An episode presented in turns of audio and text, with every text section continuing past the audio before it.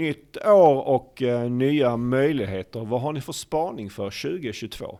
Ja, det är en bra fråga. Eh, vi som har jobbat med Google Ads har ju sett hur både insikter och också manöverutrymmet i Google Ads begränsats eh, de sista åren med alla förändringar som har kommit. Och jag tror ju att Google kommer fortsätta lite på den inslagna vägen under 2022 och funderar ju då lite på vad nästa steg i den processen kommer att vara. Ett exempel på något som ju kommer slå igenom här eh, är ju att ETA-annonserna försvinner och ersätts utav RSA-formatet. Eh, så det är ju ett sådant konkret exempel.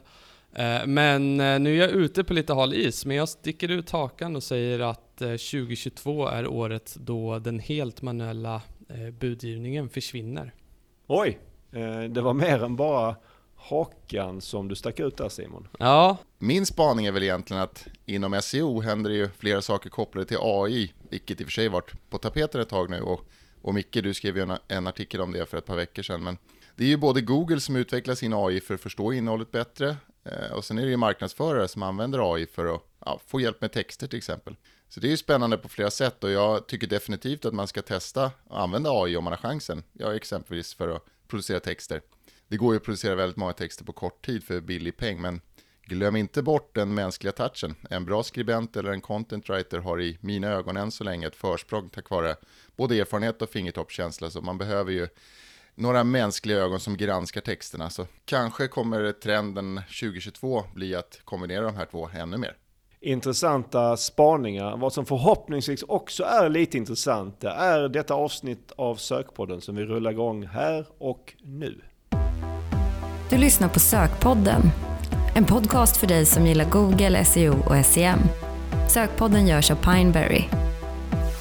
Varmt välkomna till avsnitt 79 av Sökpodden. Mitt namn är Mikael Wahlgren.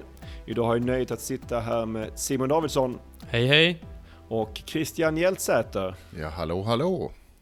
Idag bjuder vi på följande tre ämnen. Vi ska prata rätt budget, och eh, sen går vi vidare till nya mål i Google Ads och så avslutar vi med anledningar till att SEO misslyckas. Hur är eh, läget med er idag? Ja, men det är bara fint med mig tycker jag. Det är kul att vi äntligen kommit igång med inspelningen här efter teknikstrulet vi hade igår. Ja, det är skönt att vi löste den krånglande adaptern och kan spela in igen. Hur är läget med dig Christian? Jo tack, eh, nu är det bra. Jag har klarat av en nyårsvecka här med familjen och covid, vilket nog många eh, har utsatts för. Men nu känner vi oss på gång igen och är igång med jobb och skola. Det är lite tråkigt bara inte vara på kontoret så mycket nu för tiden i och med de här nya restriktionerna. Men förhoppningsvis kommer vi igång med det igen och jag hade ju precis vant sig vid att träffa folk på dagarna till skillnad från hemmakontoret så man hoppas att få vara med om det snart här framöver.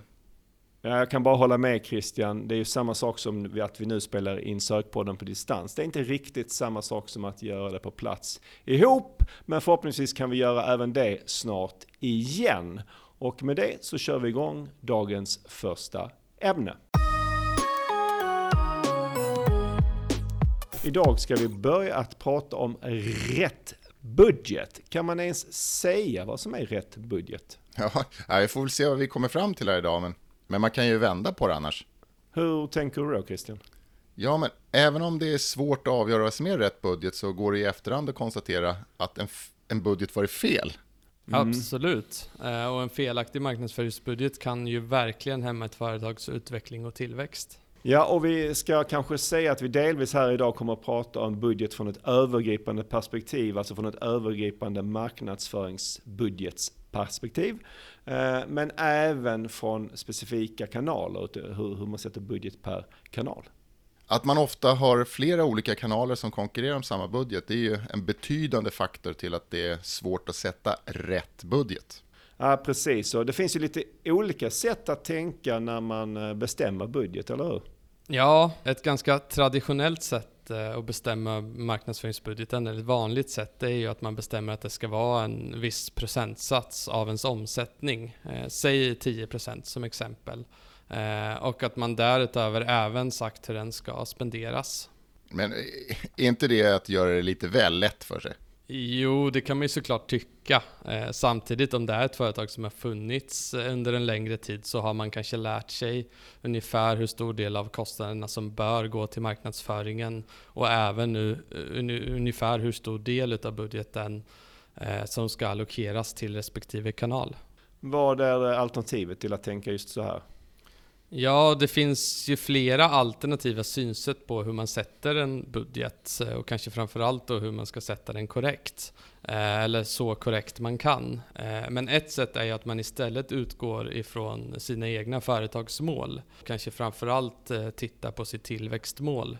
Eh, och om man som företag exempelvis ska växa med 20% nästa år, eh, ja men då kan man ju faktiskt försöka räkna baklänges på hur många nya kunder som krävs för att man ska nå sitt tillväxtmål. Därigenom också försöka räkna ut hur man behöver satsa eh, sin marknadsföring för att man ska åstadkomma det här.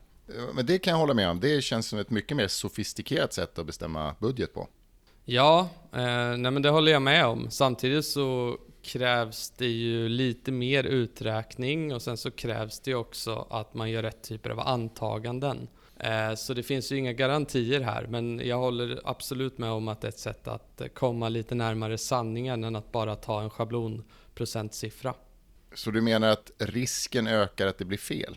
Ja, men eh, sätter man sin budget på det här sättet så gör man det ju för att man vill öka träffsäkerheten. Så förhoppningsvis så kommer man ju hamna mer rätt. Eh, men visst, det gäller ju också att man klarar av att göra rätt typ av antaganden och uträkningar. För annars kommer man ju landa väldigt fel om man, om man inte klarar av att göra det. Så man måste ju förstå sin affär och eh, förstå sin marknadsföring eh, och därigenom eh, försöka att räkna på det så gott man kan. Sen har vi det här med fri budget. Ja, exakt. Det är ju ett, ett annat sätt att arbeta. Och det är ju min eh, ja, vad ska jag säga, personliga favorit på något sätt. Och jag har nog sagt det här innan i sökpodden också. Men är fri budget lite som fri bar? Alltså att det är bra i teorin men ödesdigert i praktiken. ja, det tycker jag var en bra liknelse. Ja, nej, men jag gillar också tanken på att eh, ha en fri budget. Eh, men det funkar ju i princip bara riktigt bra på SEM. Så eh, i det stora hela så behöver man ju kanske tänka mer som, som vi har pratat om innan kring, kring budgeten i stort. Men eh, för en viss del av marknadsföringsbudgeten, kanske framförallt på SEM, så skulle jag säga att det är det säkrast bästa alternativet. Jaha, så du tycker inte att man ska ha fri budget för SEO? Nej, för tanken någonstans med fri budget är, man ju, är ju att man i det korta perspektivet, eh, kanske inte då på veckobasis, men i alla fall på månadsbasis, ska se vilken avkastning du har på din marknadsföring. Eh, och så länge den ligger över eh, ditt lönsamhetsmål, för det blir ju ofta lönsamhetsmålet man behöver titta på då, så är det ju egentligen bara att öka budgeten och göra mer utav det. Och eh, Utmaningen här med SEO som jag ser det är ju att resultatet av investeringen i, SEO ofta dröjer längre än kanske en månad. Eh, och då funkar ju inte riktigt teorin om den helt fria budgeten. Ja, och detsamma gäller ju andra former av annonsering, exempelvis om man skulle annonsera i sociala medier. Och du gör det då lite högre upp i säljtratten. För där har du också en fördröjd effekt och det kan vara svårare att agera med en eh, frid budget. Ja, men precis. Det är lite så jag tänker också. Men för SCM, då tycker du att man kör fri budget? Ja, men om man känner sig trygg i sin mätning, i sin data någonstans och om man klarar av att avgöra om ens annonsering är lönsam eller inte, eh, då finns det en enorm styrka att kunna utnyttja den flexibiliteten i den kanalen som kommer med en fri budget. Kommer kunna växa snabbare som bolag och får en enorm fördel av att du klarar av att vara flexibel här. Så jag skulle absolut säga att, att, det, är, det är en enorm fördel och sen kanske det ändå inte är för alla eh, baserat på vilka förutsättningar man har. Och vi var ju inne lite på det kan man säga nyss, men hur ska man tänka budgetmässigt kring varumärkesbyggande aktiviteter versus då mer säljdrivande aktiviteter? Ja, det är en bra och en svår fråga, men vi kan väl försöka resonera lite kring det. De flesta företag har ju en ambition någonstans att växa och ett hälsosamt bolag behöver ju tillväxt och då måste man ju också stärka sitt varumärke över tid och för att kunna göra det så Eh, behöver man ju hitta någon typ av balans mellan eh, performance-delen, eh, alltså den lite mer säljdrivande delen av din marknadsföringsbudget och den lite mer varumärkesbyggande. Sen hur stor del skulle jag säga har lite också med vilka förutsättningar man har, vilken målsättning det är man vill nå och som sagt vilken budget man har för att nå den här målsättningen. Och sen behöver man ju såklart testa sig fram också. Eh, man kan ju ha någon typ av hypotes eller teori kring hur man vill spendera den, men du behöver ju också våga testa dig fram lite grann. Jag personligen är ju lite mer åt performance-hållet. Jag är lite stöpt i den skolan så, så det jag ofta gör, eller hur jag ofta tänker, är ju att jag någonstans vill säkerställa att jag plockar den lägst hängande frukten först. Det vill säga att jag Eh, se till att jag har täckt upp mina performance-kanaler på rätt sätt. Eh, och sen jobbar jag mig uppåt i, i tratten helt enkelt. Ja, men varumärkesbyggande marknadsaktiviteter är ju lite som, som SEO. Du behöver ju investera här och nu, men det kanske tar ett litet tag innan, innan du kan skörda frukterna av det. Men eh, när du väl skördar sen så kan det ju ofta vara en väldigt, väldigt lönsam skörd. Ja, verkligen. Utvärderar man det över tid så kommer man ju väldigt ofta fram till att SEO är den lönsammaste kanalen som man, som man har. Och om du vill lägga en stor del på säljdrivande aktiviteter så är det ju ingen hö högoddsare att mycket av det kommer att landa på SEM och SEO. Eh, men om man istället vill satsa mycket på, på varumärkesbyggande aktiviteter så kommer man ju göra en större, större satsning kanske på en midfunnel-kanal som Facebook där man visserligen kan få lite av båda men Eh, också betydligt mer kanske i display och rörligt, eh, Youtube eh, och så vidare. Sen finns det ju såklart en effekt nedåt också. Det vill säga att stoppar jag in pengar i midfunnel eller upper funnel kanaler som display och social media och så vidare så kommer jag ju bygga mitt varumärke eh, och då kommer man ju också stärka sig i konkurrensen mot andra. Och det här är ju någonting man kommer se en positiv effekt av i sina performance-kanaler. För att vi kommer ju, det kommer ju kunna göra att man får fler, bättre CTR på sina annonser på Google Ads för att man blir ett attraktivare varumärke. Eh, man kanske kan konkurrera med fler faktorer än bara pris, exempelvis som det är Google Shopping. Eh, man kommer förhoppningsvis även kunna konvertera sina besökare lite bättre. Eh, och sen såklart så kommer man ju se det i beteendet att fler aktivt söker efter ditt varumärke. Och det blir också en positiv följd av investeringen man har gjort eh, över tid. Även där kommer man ju kunna profitera på det. Den här effekten kanske är lite svårare att mäta rakt av eller se i närtid. Eh, men det kommer ju komma som en positiv effekt av det man gör tidigt någonstans i, i köpfannen. Och eh, vi var ju här lite inne på SEO och eh, budget och en viktig framgångsfaktor i många SEO-projekt är ju tekniska utvecklingsresurser. Men denna kostnadspost ligger i princip aldrig varken i SEO eller marknadsbudgeten. Är det bra eller dåligt? Ja, men eh, det är ju det är alltid skönt om, om någon annan står för fiolerna som man brukar säga. Nej, men skämt åsido så skapar det här ofta ett problem, vilket vi även kommer att prata om i sista ämnet idag. Alltså, man vill ha kontroll över de resurser som behövs för att lyckas och utvecklingsresurser är, är ju en, ja, en hårdvaluta, en eftertraktad hårdvaluta för många avdelningar på ett företag. Det är liksom inte bara SEO och marknad. Ja, verkligen. Och här gäller det ju att försöka öronmärka en del av utvecklingsbudgeten till ens egna projekt. Och det gäller ju inte bara utvecklingsbudgeten, Eh, även om den kanske är det tydligaste exemplet. Eh, som marknadsförare så är det ju väldigt beroende av andra delar av, av bolaget för att lyckas. Och eh, då gäller det ju att se till att förutsättningarna finns på fler håll för att, för att man ska nå sina mål som marknadsförare. Vi har ju sett flera exempel på kunder till oss som är överraskade över när de har fått en SEO-analys och en åtgärdsplan med saker som behöver åtgärdas, inte sällan av, av, utvecklare. Så först då kommer de på att ja, men våra utvecklare har inte tid att göra det här nu. De har ju massa projekt flera månader framåt. Och då, då faller ju liksom stora delar av SEO-arbetet på grund av att de här resurserna inte finns där när man behöver dem. Och det ska ju sägas att detta kan ju vara svårt att veta om, om man aldrig jobbat med SEO eller satsat på det. Just när det gäller eh, SEO budget så tar ju SEO som bekant, som vi pratat om, tid. Och vill man då inte satsa hela budgeten direkt istället för att sprida ut den över året och till och med kanske över flera år. Eh, om du satsar mer direkt så kan du ju nå snabba resultat. Ja, men eh, så kan man ju tänka. Eh, rent praktiskt kan det dock vara svårt att göra allt SEO-arbete under, under en kortare tid. Dessutom kan du utgå från att du, du inte alltid träffar helt rätt direkt. Att, och att du vill optimera dina insatser, så genom att satsa hela slanten direkt, då tar du ju en ganska stor risk. Med det sagt, om du exempelvis ska göra en nysatsning på SEO, då kan det vara klokt klokt att göra e, en, större insats i början, till exempel större sökordsanalyser eller tekniska analyser för att ha underlag för hur du ska arbeta vidare. Detta kan ju korta ner tiden lite grann tills du börjar se resultat, men det hänger också på att du genomför de här förändringarna som framkommer i analyserna.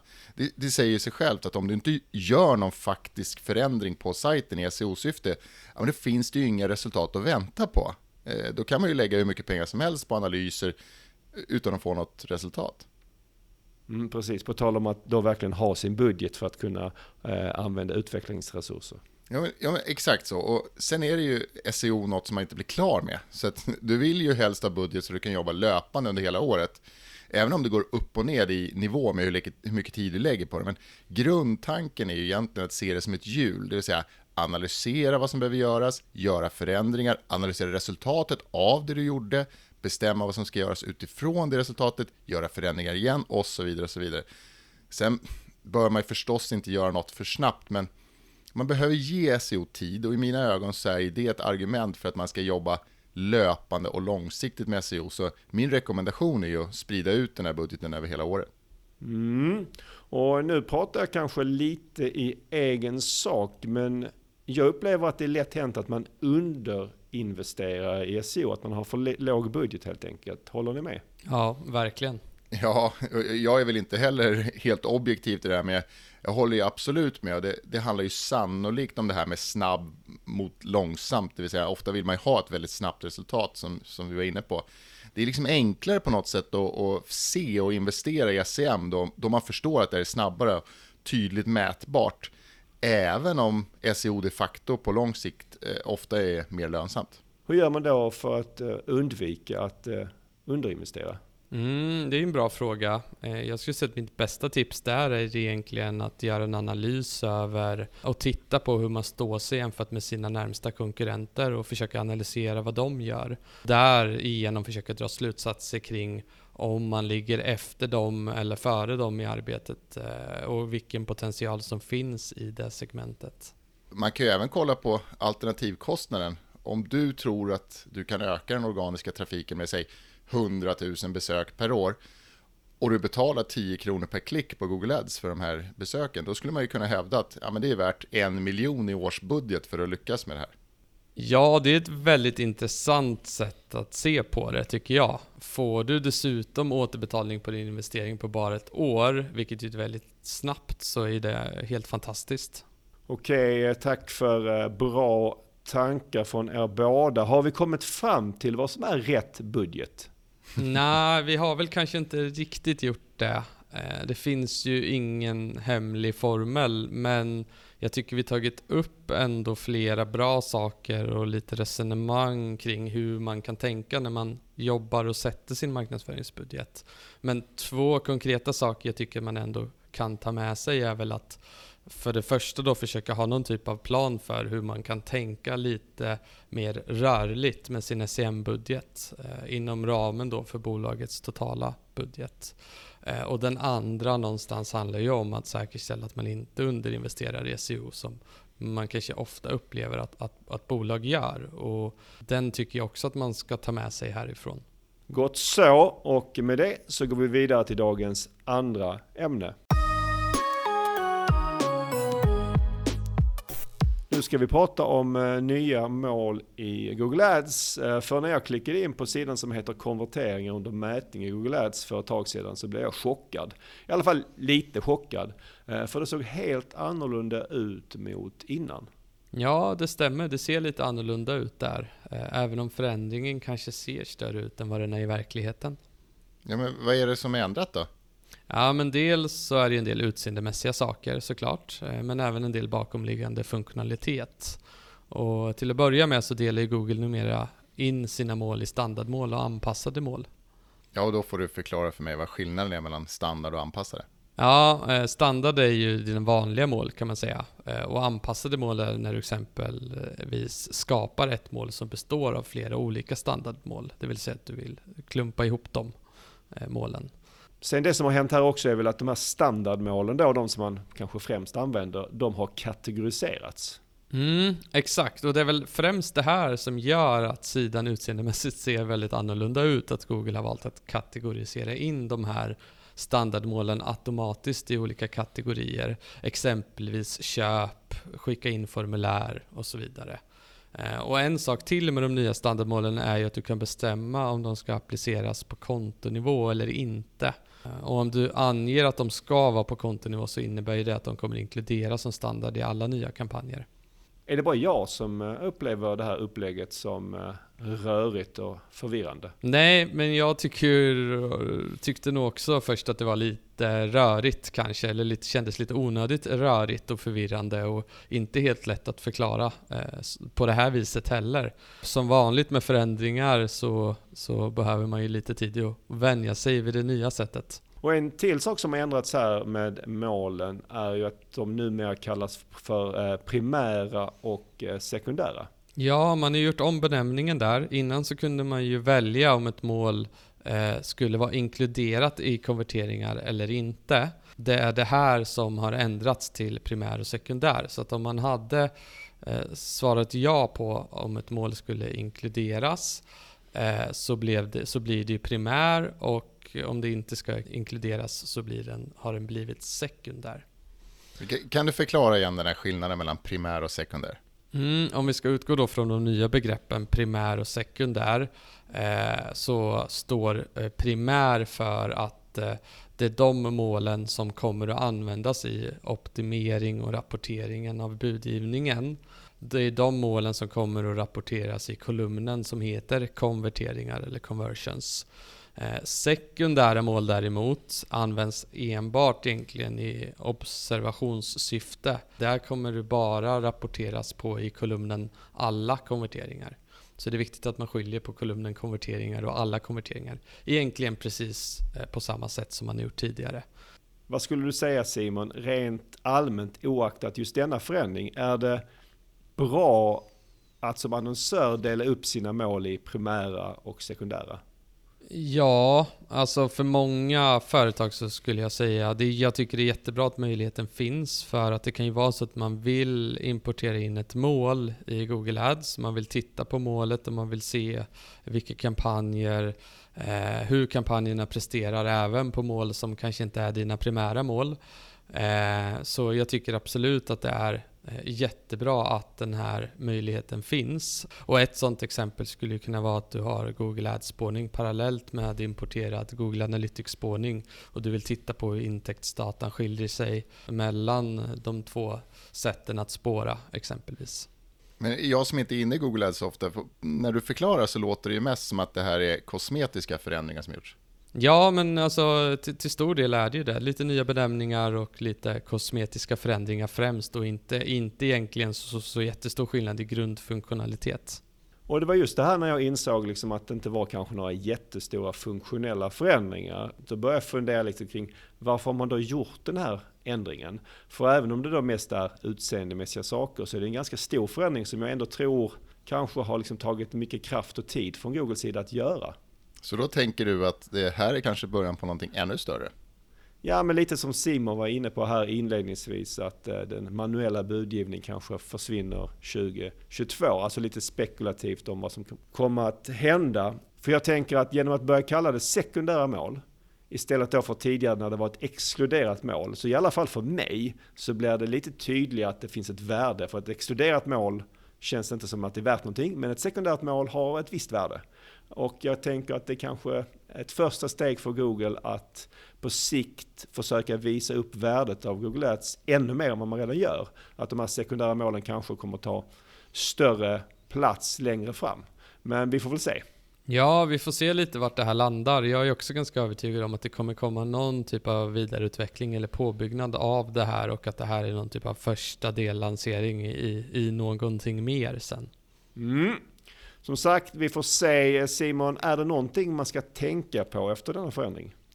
Nej, men jag tänker att det här kanske eh, ger en bra anledning till att faktiskt eh, gå in under konverteringsfliken och eh, uppdatera sig själv lite grann och eh, eh, titta på eh, hur det ser ut och vilka mål man har där. Och sen tycker jag också att man kan dubbelkolla att de målen som man faktiskt vill vara, ska vara primära är satt som primära och de som inte ska vara primära är satt som sekundära. Så att det är ju en bra möjlighet att gå in och uppdatera sig lite generellt skulle jag säga. Ja, för när jag gick in där första gången själv så blev jag lite nervös. Då gick jag in i vårt eget Google Ads-konto.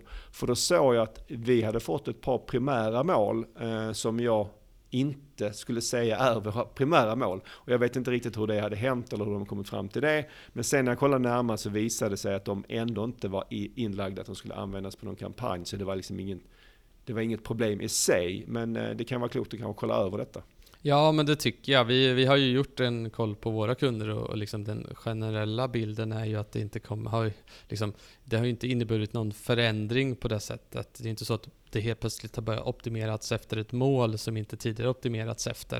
Det är i alla fall inte den generella bilden, men det skadar ju aldrig att gå in och dubbelkolla. Vad bra, eh, där lämnar vi Googles nya mål och går vidare till dagens eh, sista ämne. Idag eh, ska vi avsluta med att prata om anledningar till att SEO misslyckas. Ja, det är ju det är både spännande och samtidigt ganska deppigt ämne. Ja, jag, jag håller verkligen med. Eh, och det, för det är så, såklart aldrig kul att misslyckas. Samtidigt har vi ju alla upplevt det. Och eh, motgångar kan ju vara väldigt lärorika samtidigt som de är lite jobbiga att ta såklart. Ja, jag håller med om att det här är ett väldigt intressant ämne och när du föreslog det här ämnet så rasslade det ju genast till med massor med olika anledningar direkt i huvudet. Jo, jag märkte det från er båda två. Jag frågade även några andra kollegor här på Pineberry samma fråga som jag ställde er och även de rabblade fram massa anledningar till att SEO-projekt eh, kan misslyckas. Ja, men, det är ju liksom ett ämne som engagerar. Det finns ju egentligen så många eh, olika anledningar. Ja, verkligen. Man, eh, man, vill ju, man vill ju inte misslyckas heller. Så eh, det, det ibland kan ju skapa ganska mycket frustration på många olika håll. Så det är bra att det engagerar. Och jag vill eh, börja med en liten avgränsning här. Vi kommer ju prata om övergripande, lite större saker när vi då listar anledningar till att SEO kan misslyckas. Ja, alltså vi kommer inte ta upp att man felaktigt blockat sajten i robots eller något sånt där. Nej, precis. Det är ju ett bra exempel, även om det, man kan se det som ett, en form av misslyckande. Vi kommer nämna 10-15 olika anledningar här idag och lite grovt kan man eh, dela in dem i, i två olika fack. Eh, dels att det kan handla om resurser och dels att det kan handla om strategi. Vi kan väl börja med anledningar till misslyckanden som relaterar till just resurser. Jo, men eh, vi var inne på det redan i första ämnet och eh, som SEO-are då, då är man ju beroende av tekniska resurser för att få, få till den här optimeringen som man vill. Det vill säga, det är inte alltid bara att man behöver gå in i CMS och ändra en liten text, utan det kan vara tekniska delar och behövs då en utvecklare det kan ju vara som vi säger en trång resurs i, i många organisationer och, och tyvärr förstår ju inte alla att, att, de, att man alltid ska prioritera SEO högst. jag håller med, det är ju en given prioritering, eller hur? Ja, verkligen. Ja, verkligen. Just det här med att eh, få med hela organisationen eh, är ju så otroligt viktigt. För det handlar ju inte bara om att få med de får tillgång till de här nödvändiga tekniska resurserna utan faktiskt att få med sig hela bolaget på den här SEO-resan. Ja, för det är inte självklart att utvecklarna eller de som driver utvecklingsavdelningen tycker det är lika viktigt att förbättra SEO som vi då tycker. Nej, eh, exakt. Och här blir det ju väldigt viktigt att alla i organisationen förstår varför man gör SEO och vad förändringarna är tänkt att leda till så att man faktiskt får med sig alla. Och det kan man ju se lite som ett framgångsrecept i, i olika case där vi har jobbat. Så räknar man med att få med hela organisationen, då är den här liksom punkten kopplad till det tidigare ämnet kring budget. Det vill säga, det är, det är svårt att få pengar till något om det bara är ett fåtal personer som förstår varför man ska jobba med SEO och inte, att inte alla är med på banan. Så det, det blir mycket lättare ju, ju fler som är med på det. Ja, verkligen. Eh, och det behöver ju inte bara vara så att man inte får tillgång till de utvecklare som behövs. Eh, det kan ju även vara så att de tekniska förutsättningarna inte riktigt finns på plats. Exempelvis att man har ett uselt CMS som inte tillåter att man kan optimera sajt och innehåll på det sätt som man vill och önskar. Eh, jag håller eh, verkligen med där. Samtidigt skulle jag säga att det är en sak som i alla fall från mitt perspektiv har blivit lite bättre genom åren. När jag började med SEO så var det Ah, det var nog mer regel än undantag att man hade ett uselt eh, CMS. Eller kanske inget CMS alls. Men idag upplever jag att det inte är lika stort problem. Ja, men det, det kanske inte är lika vanligt som det var förr, men det är ju sjukt frustrerande när det händer. Och, men jag har ju fått veta av, av ett av de här företagen som faktiskt ligger bakom ett, ett relativt välanvänt CMS för framförallt e-handlare i Sverige, att de kommer utveckla sitt CMS under 2022 för att ja, men till exempel ha stöd för Schema. Eh, så det är väl ljusare tider på gång framåt hoppas vi. Ja, det får vi hoppas. Och, eh, och det är inte bara egentligen brist på tekniska resurser som kan vara ett eh, problem i bolag. Det kan ju även vara väldigt vanligt att eh, resurser som skapar innehåll och content inte finns att tillgå. Precis, och utmaningen här är ju att SEO det är ju innehållskrävande och det behövs ofta mycket innehåll och, och att någon ska skapa det. En inte så speciellt trevlig cocktail är ju SEO-projekt där det både är brist på tekniska och innehållsskapande resurser. Har vi den bristen då, då har vi ingen bra start kan jag säga. En annan fälla också som man kan hamna i är ju, som också har med innehåll att göra, eh, är ju att man inte vill skapa innehåll. Vem skulle du säga är man här Simon? Ja, tänkte vi ju inte outa någon här men eh, det kan ju vara olika personer eller funktioner i en organisation som motsätter sig eh, SEO-arbetet på olika sätt. Skulle ju kunna vara någon som jobbar med UX exempelvis. Det är ju inte sällan man har hamnat i en sån utmanande dialog kring eh, SEO och UX. Ofta går de ju hand i hand men det behöver ju inte alltid vara så. De kanske inte tycker att det är så användarvänligt eller så konverteringsdrivande att ha fler sidor med mer innehåll innehåll. Alltså här handlar det ju återigen om att få med hela organisationen i SEO-projektet redan från början. Om eller när man driver SEO som, som en enskild silo i organisationen, då finns det liksom många saker som gör att det riskerar att, att misslyckas. På tal om att få med hela organisationen från början, ett litet omvänt problem är ju när SEO kommer in för sent i processen. Ja, och det här är också ganska vanligt faktiskt, att man, att man inte inser förrän man har gjort en massa förändringar att oj, vi kanske skulle ha tänkt på SEO också. Ja, och ett eh, ja, frustrerande scenario som jag har varit med om allt för många gånger är ju att företag ringer och säger att ja, vi ska lansera en ny sajt om två veckor och eh, vill att vi då ska se över deras SEO. Eller att man har lanserat sajten och ringer och säger vi, vi syns inte. Vad, vad är det som händer? Ja, verkligen Simon. Det, det händer tyvärr ofta det också. Men om man skulle tänka sig scenariot då igen där man kanske hör av sig ändå någon vecka innan den nya sajten ska lanseras så vrider och vänder man sig för att hinna gå igenom sajten innan de lanserar och ge dem rekommendationer. Och när de då får dem så säger de ah, detta hinner vi inte göra nu, vi lanserar först och så får vi kolla på de här SEO-sakerna senare. Och då är risken väldigt stor att det aldrig blir genomfört. Precis, och det är ju därför väldigt viktigt att SEO kommer in i processer innan det är för sent. Och det här är nog en väldigt hög igenkänningsfaktor för, för våra lyssnare som, som jobbar med SEO idag, tror jag. Ja, det tror jag också. Eh, och det är ju inte bara en ny sajt som kan ställa till det för SEO. Det kan ju även vara en ny chef som kommer in och säger nu ska det se ut så här på sajten. Ja, och, och det är ju nästan ännu mer frustrerande för, för då har man ju under längre tid kanske jobbat upp det här och byggt upp en relation och byggt upp ett bra resultat som, som riskerar att bli raderat bara i ett enda slag. Det ska inte vara lätt helt enkelt. Nej, det, så är det väl och då hade det väl inte varit så kul heller. Nu har vi pratat med några saker kring just resurser som kan då få SEO-projekt att eh, misslyckas. Nu tänkte jag att vi ska ta några punkter som kanske lite mer handlar om eh, strategi. Eh, var ska vi börja här? Ja du, var ska man börja? Ja, vi kan väl börja med till exempel sökord, eh, som är ganska vanligt. Att, att man inte har gjort en ordentlig sökordsanalys eh, eller inte ens funderat kring sökord och sökbeteende.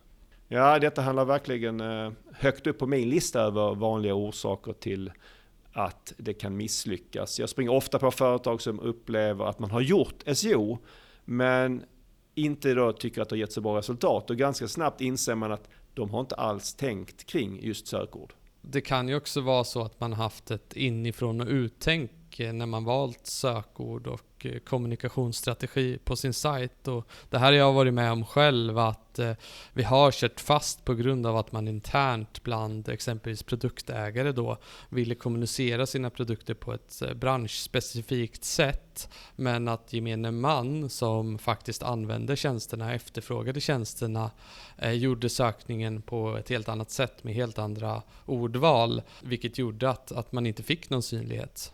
Sen kan, sen kan det ju också vara så att man lyckas driva en massa organisk trafik in till, till sajten men att man inte får några konverteringar. Det kan ju bero på att, att sajten inte konverterar som den ska men det kan ju lika väl vara att du har satsat på fel sökord. Ja, verkligen. Det är ju lätt hänt att man kanske fokuserar på de stora sökorden med hög sökvolym. Ja, och att det kanske blir lite prestige också. Ja, precis. Då, istället för då kanske sökord som i större utsträckning konverterar till ens eh, mål. Det kan ju faktiskt också vara så här att man, man ger sig in där det är allt för hög konkurrens. Det vill säga, är du en ny nischad sajt inom, ja men ta exemplet finansbranschen, då kommer det ju vara hög risk att du inte lyckas om du försöker tampas liksom med de här stora etablerade sajterna på bara de stora och de svåra sökorden. Ja, och ännu mer om du då förväntar dig snabba resultat. Där är du inne på en till sak just med, med SEO. Och tid och tålamod är ju en viktig komponent för att lyckas och eh, det finns ju heller inget garanterat eh, resultat. Men eh, om du istället bara gör en engångsinsats och inte orkar hålla i det så är ju risken stor att man inte lyckas för det handlar ju om att orka hålla i långsiktigt. Att hålla i det som du säger, det är ju otroligt viktigt även för sajter som lyckas med SEO. För om du, om du slutar jobba med din SEO efter ett tag, då, då är det bara en tidsfråga tills du riskerar att tappa. Så ska du lyckas över lång tid, då behöver du verkligen det här ordet, hålla i det, hålla i arbetet. Som eh, med det mesta här i livet. Ja men exakt, så är det. Sist men inte minst tänkte jag att vi skulle lyfta upp det här med förväntningar. Ja, förväntningar kan man prata länge om. Man, man, man, kan nästan se det som en röd tråd genom mycket av det här vi har tagit upp. Att går man in i ett SEO-projekt med felaktiga förväntningar, då är ju risken stor att, att det inte slutar väl. Det kan vara allt från att man inte förväntar sig att man behöver skapa något nytt innehåll till att man att man har fel förväntan kring vilket resultat som, som är rimligt att vänta sig. Ja, jag håller verkligen med. En av de bästa sakerna man kan göra för att signifikant öka chanserna till framgång för ett SEO-projekt är ju att säkerställa att alla intressenters förväntningar är så väl synkade som det bara går. Mm, det var en eh, bra avslutning, tack för det. Innan vi sätter punkt för detta ämne om anledningar att SEO misslyckas så önskar vi givetvis alla lyssnare ett stort lycka till med alla sina SEO-projekt under 2022 och med det så återstår endast att runda av dagens avsnitt. Då var vi nästan klara med avsnitt eh, 79 till lika årets första avsnitt. Men innan vi säger tack och hej vill jag slå ett slag för att bli vår nya kollega. Ja, det tycker jag verkligen ni ska kolla på. Det är kul, jag lovar. Vi söker ett antal olika roller just nu, bland annat SEO och SEM-konsulter och eh, utvecklare. Så gå in på jobb.pineberry.com och läs mer. Ja, gör gärna det. Vi behöver bli fler här på Pineberry. Har ni feedback eller synpunkter på dagens avsnitt eh, eller förslag på ämnen som du vill att vi pratar om nästa gång? Ja, då gör du som alltid, mejla till sokpodden at pineberry.com och berätta. Och hör gärna av er, det blir vi alltid lika glada för. Tusen tack för att du har lyssnat idag. Sköt om dig tills vi hörs nästa gång. Tack för idag. Tack och hej.